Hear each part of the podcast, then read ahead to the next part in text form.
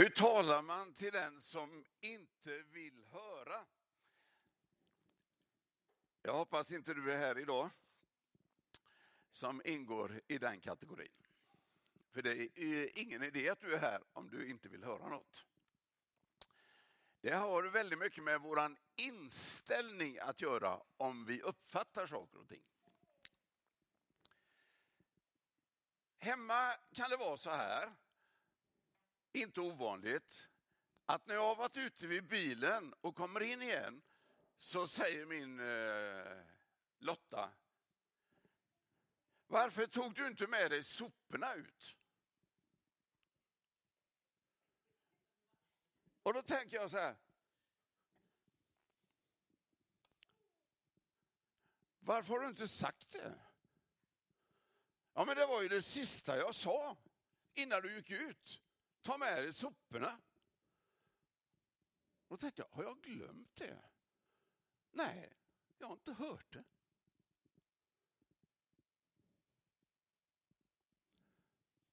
Kanske tänkte jag på något annat. Men jag har faktiskt inte glömt det. För jag har inte ens hört det. Det där är inte ovanligt för mig att jag tänker så här när, när det kommer till tv, ni vet eh, nyheterna är färdiga och så kommer vädret.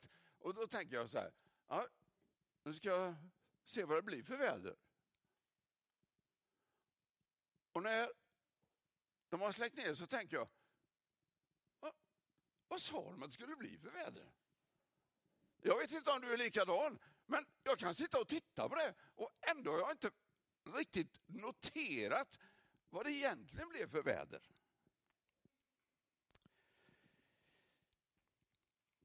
Det kan också vara så att man har svårt att lyssna.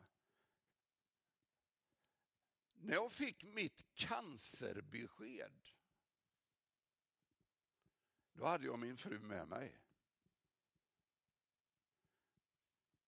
Och när vi kom hem så pratade vi om det där. Och då säger jag till min fru, vad, vad, vad skulle vi göra nu? Efter detta? Vad, vad, vad är nästa steg? Ja, men det sa hon ju. Alltså när man får ett svårt besked, då kan det bli så att och sen kan man inte lyssna mer. Man blir så att säga blockerad för vidare information. Så kan det vara i kyrkan. Det kan sitta affischer här ute på kyrktorget och det kan informeras härifrån framifrån micken om saker och ting. Och man kan skriva det i programbladet och ändå finns det församlingsmedlemmar som säger, jag har aldrig talat om. Varför har ingen sagt detta?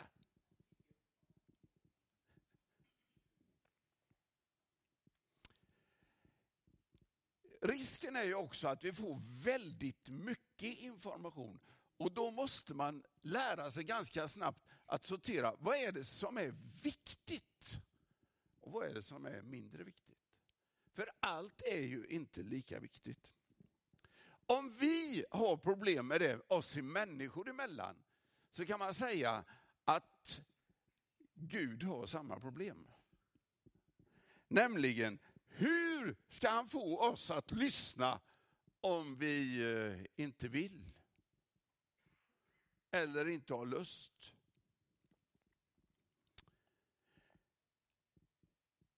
Och Gud tänker, om jag ropar som en militär, då tycker de inte om det. För då känner de sig pressade. Om jag viskar, då säger de, ja, han talar inte tydligt till mig i alla fall. För att få det här till att fungera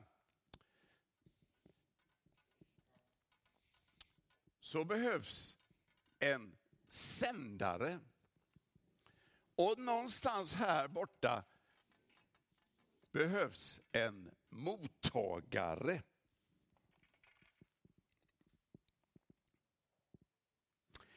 Enligt Bibeln så talar Gud hela tiden. Han försöker komma i kontakt med oss. Han sänder. Varför hör vi då inte när Gud talar till oss?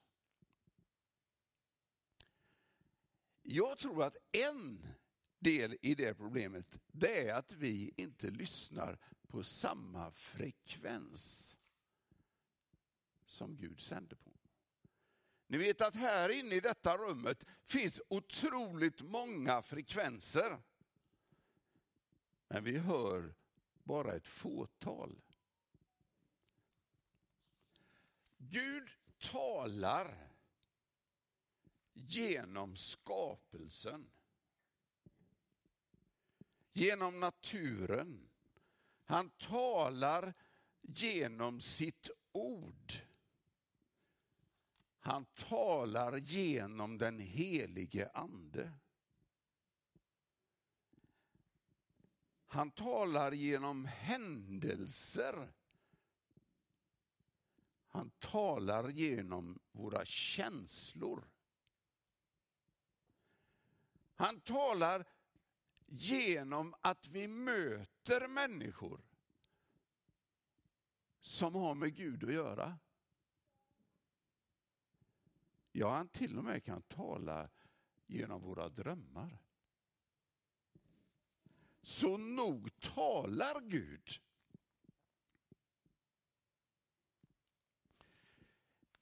Vi kan ju ha synpunkter på det, att han eh, talar otydligt och på fel ställe och på fel frekvens. Men det kan vi inte göra så mycket åt. Gud talar ju där han vill tala. Och vill vi lyssna, då måste vi lyssna där. Och det är precis den här texten som vi nu ska läsa ifrån Matteus 11. När Jesus tar upp detta problemet. Vi läser. Sedan Johannes döparens dagar tränger himmelriket fram. Somliga söker rycka det till sig med våld. Ty ända sedan Johannes har allt vad profeterna och lagen sagt varit förutsägelser. Ni må tro det eller inte. Han är Elia som skulle komma.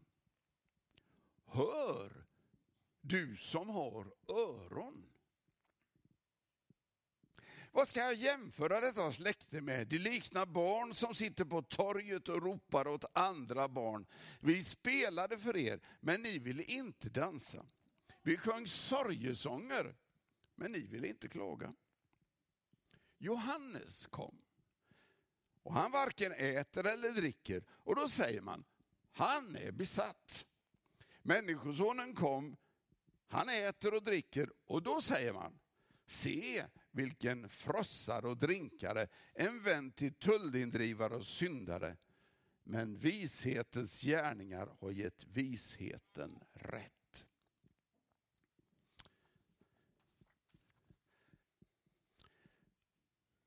Det är som barn på torget.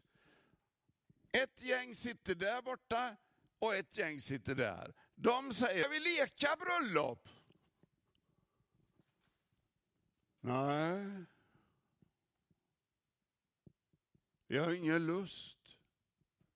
Och då säger de, ska vi leka begravning? Nej, jag har ingen lust.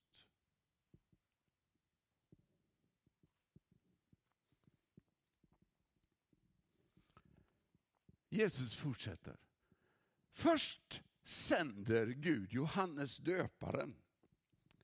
Han hade visserligen konstiga matvanor.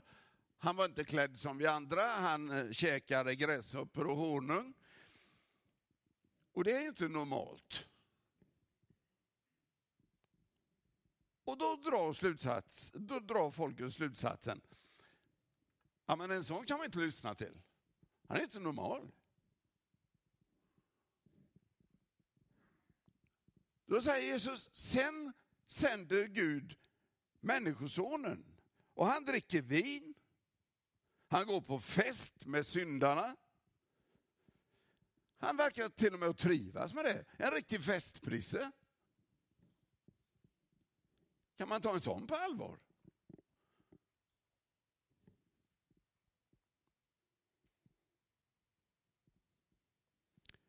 Det är precis som att budskapet som Gud vill förmedla, både genom Johannes och Jesus, fastnar i filtret.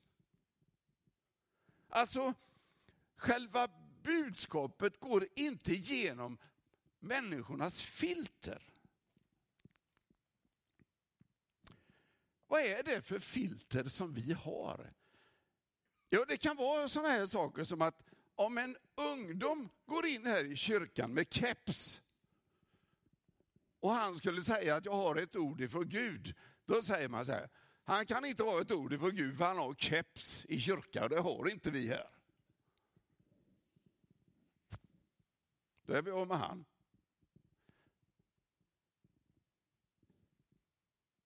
Det kan vara gamla besvikelser. Gud har aldrig talat med mig förut. Varför skulle han göra det nu? Och förresten, jag bad om hjälp, men jag fick ingen hjälp.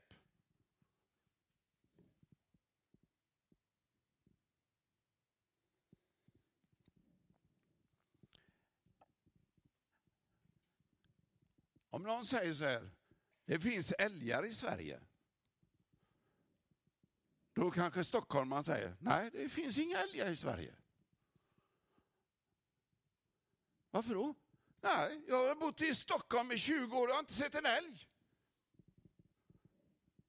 Nej, det är inte alls säkert för att man har varit liksom på fel ställe där älgarna är. Så enkelt kan det vara. Alltså om man inte kan bortse och tänka lite utanför boxen, lite nytt, då har väldigt Gud väldigt svårt att komma till.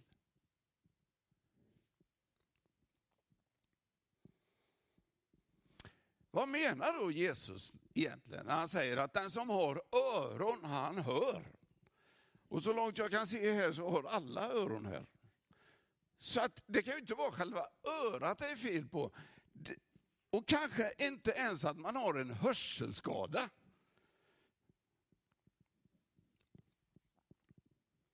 Men det kan ju vara så här, varför man inte hör.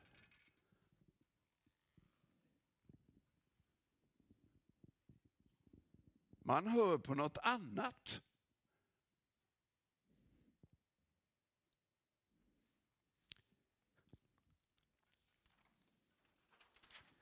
När Gud tittar ner från sin himmel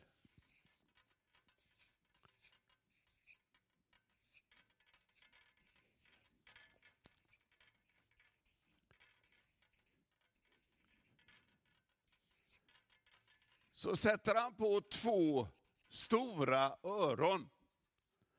Och vad gör vi då?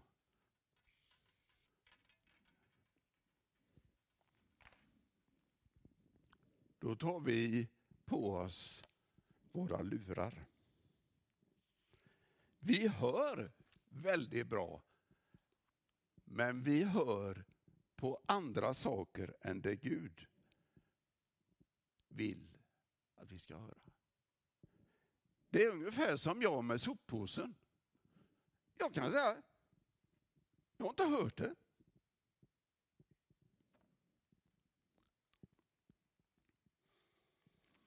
Om man möter en sån här person på bussen så är det ju inte första tanken man får, vad roligt, jag tror jag ska gå fram och prata med honom. Han har ju redan markerat, prata inte med mig, jag lyssnar på någonting annat, stör mig inte. Och det tror jag är Guds bekymmer när han tittar ut över Jönköping med omnejd att det är väldigt få som går utan lurar. Man lyssnar på helt andra saker. Och då är Gud sån att han tränger sig inte på.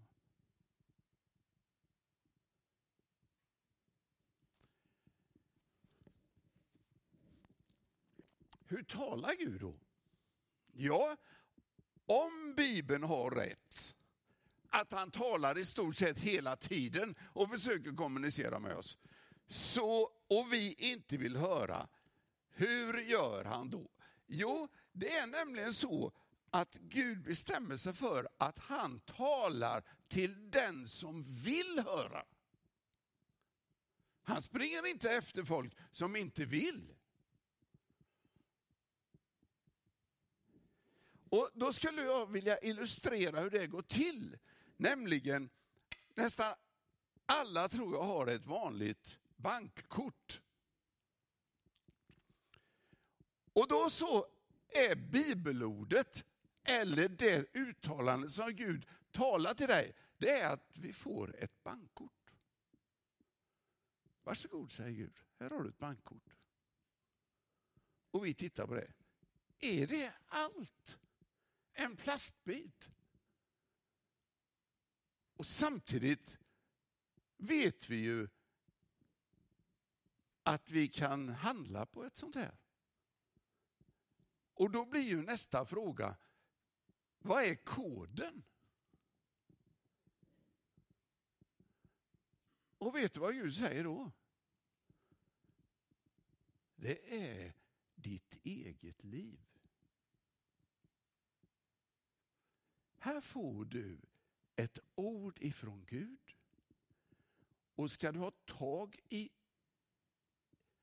värdet i det, då måste du sätta till den personliga koden som är ditt liv. Helt enkelt att säga ja till Gud.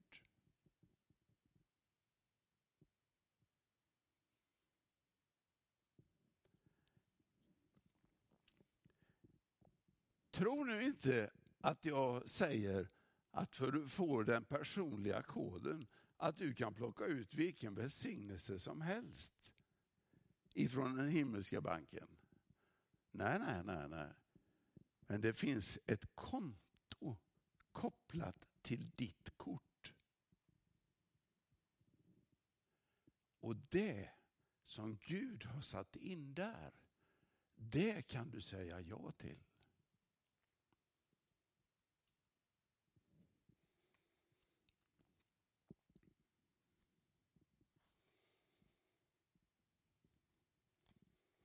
Om någon vill göra hans vilja ska han förstå om min lära är från Gud eller om jag talar om mig själv, säger Jesus.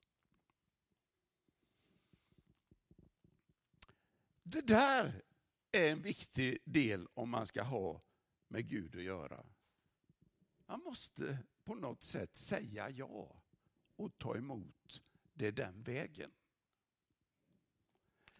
En annan sak som Gud använder när han vill berätta någonting för oss, det är att han talar i liknelser.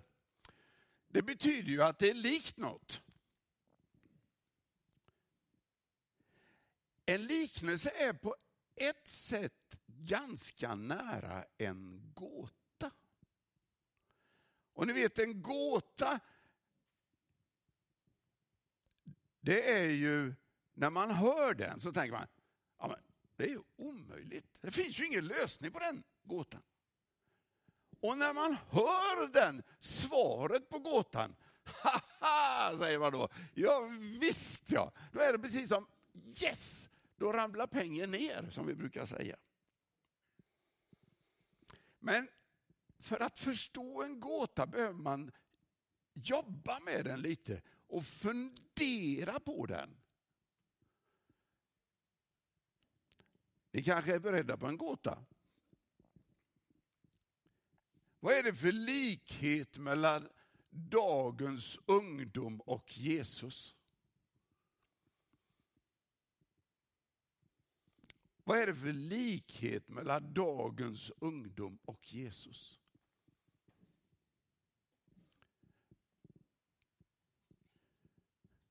Jo, de bor hemma hos sina föräldrar till de är 30 år. Och gör de någonting så är det ett under.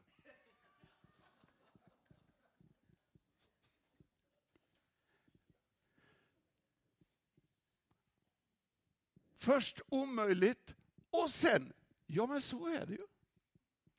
Det där är ett typiskt gudstilltal. Att när han säger saker och ting så är det ofta man får klia sig i huvudet och tänka, ja men det går ju inte. Och sen förstår man. Alltså Gud vill ibland säga saker och ting till oss på ett sånt sätt så att vi måste fundera själva. Och det är ju också ett sätt för, för Gud att veta, är vi intresserade av det han säger? Eller måste vi ha det så att säga pastoriserat och vi bara sväljer? Eller behöver vi tugga? Alltså Gud är ju ingen försäljare som säger om du köper det här får du gratis, det här får du gratis. Och så tänker man, ja men det är ju något lurigt med detta. Det måste finnas någon minitext någonstans. Man kan, det är ju ingen som delar ut vinstlotter utan att på något sätt tjäna. Nej, Gud är ingen försäljare. Han är den som säger att redan från början kostar det. Men det blir bättre och vinst längre fram. Den som har öron kan höra. Det är ett ansvar att ha öron. Det är ibland också ett ansvar att säga att jag vill inte höra. Ibland behöver vi verkligen ta på oss de här lurarna och säga, det där vill jag inte ta in i mitt liv.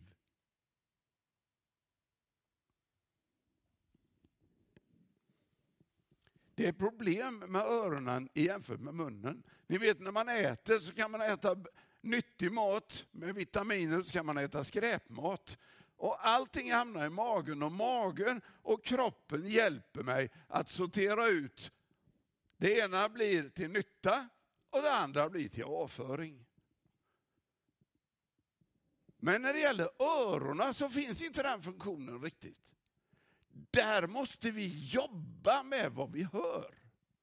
Det här vill jag spara. Det här vill jag göra mig av med. Jag tror inte att det är bra för en människa att lyssna till vad som helst och se vad som helst. Och det krävs lite arbete i bön.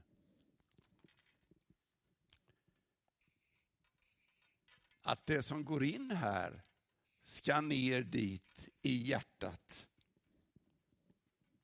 för bearbetning. Och ibland behöver man be Gud om förlåtelse för att jag har sett saker och ting. Jag har lyssnat på fel saker och fel människor. Maria hade inget lätt liv, men när det står i olika perioder i hennes liv så står det att hon gömde och begrundade det hon hade varit med om och hört i sitt hjärta.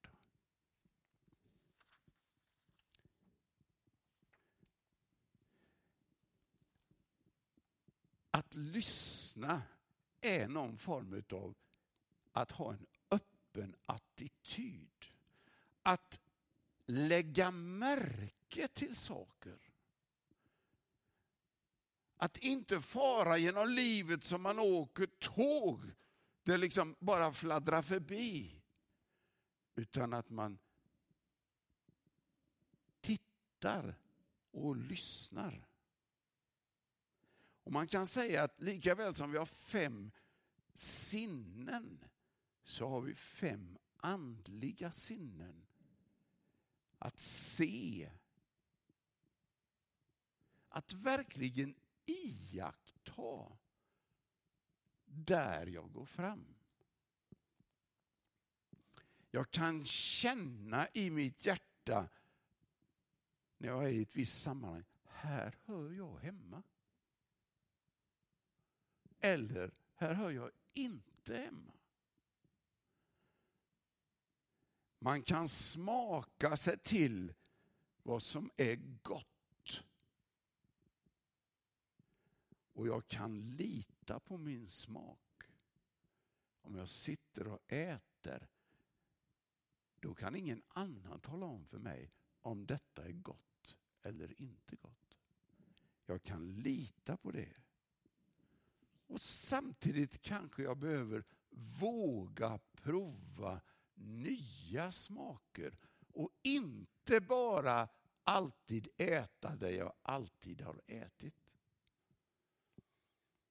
Jag kan lukta mig till när jag kommer i ett sammanhang. Det är skillnad att lukta nybakat bröd och sitta på utedass.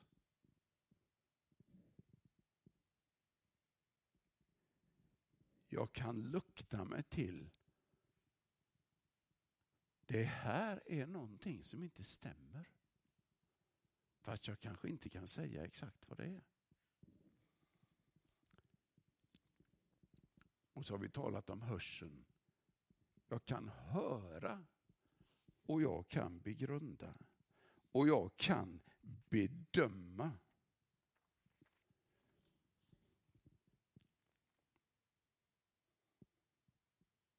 Om Gud talar till oss, då behöver vi ha ett öppet sinne.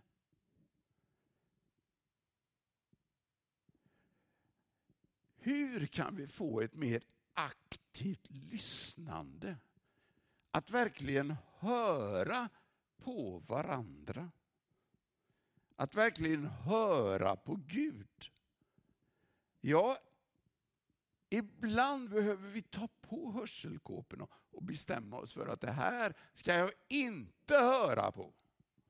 Det är bra.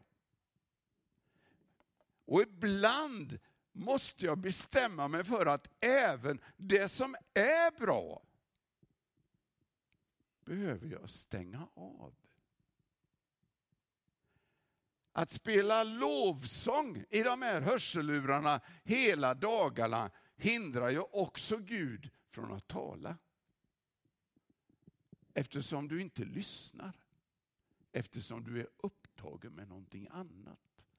Så även goda saker kan ibland vara ett hinder för Gud att kunna komma åt dig. Stäng av musiken, i alla fall en stund. Slå inte på den så fort du sätter dig i bilen. Säg till Gud, nu åker jag här en halvtimme och jag vill vara tyst. Har du något att säga mig? Kanske jag har någonting att säga Gud. Du som har öron, sa Jesus. Du kan höra. Min fråga till dig idag blir den här. Hur får Gud din uppmärksamhet?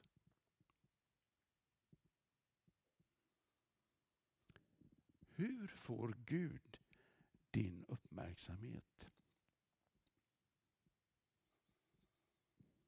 Är du en av dem här i Jönköpingstrakten som Gud kan säga, honom eller henne kan jag tala direkt till.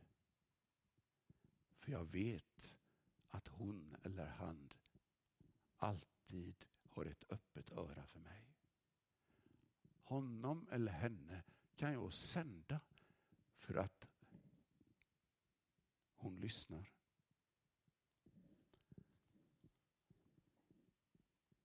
Lukas skriver, folket var fyllt av förväntan.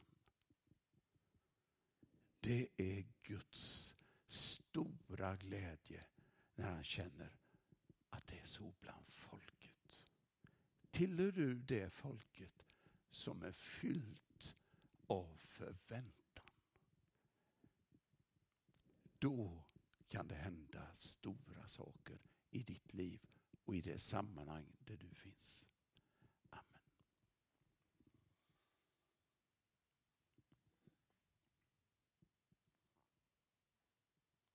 Herre, vi ber om öppna hjärtan. Öppna öron. Ogrumlade ögon. Herre, vi vill vara det folket som är vänt emot dig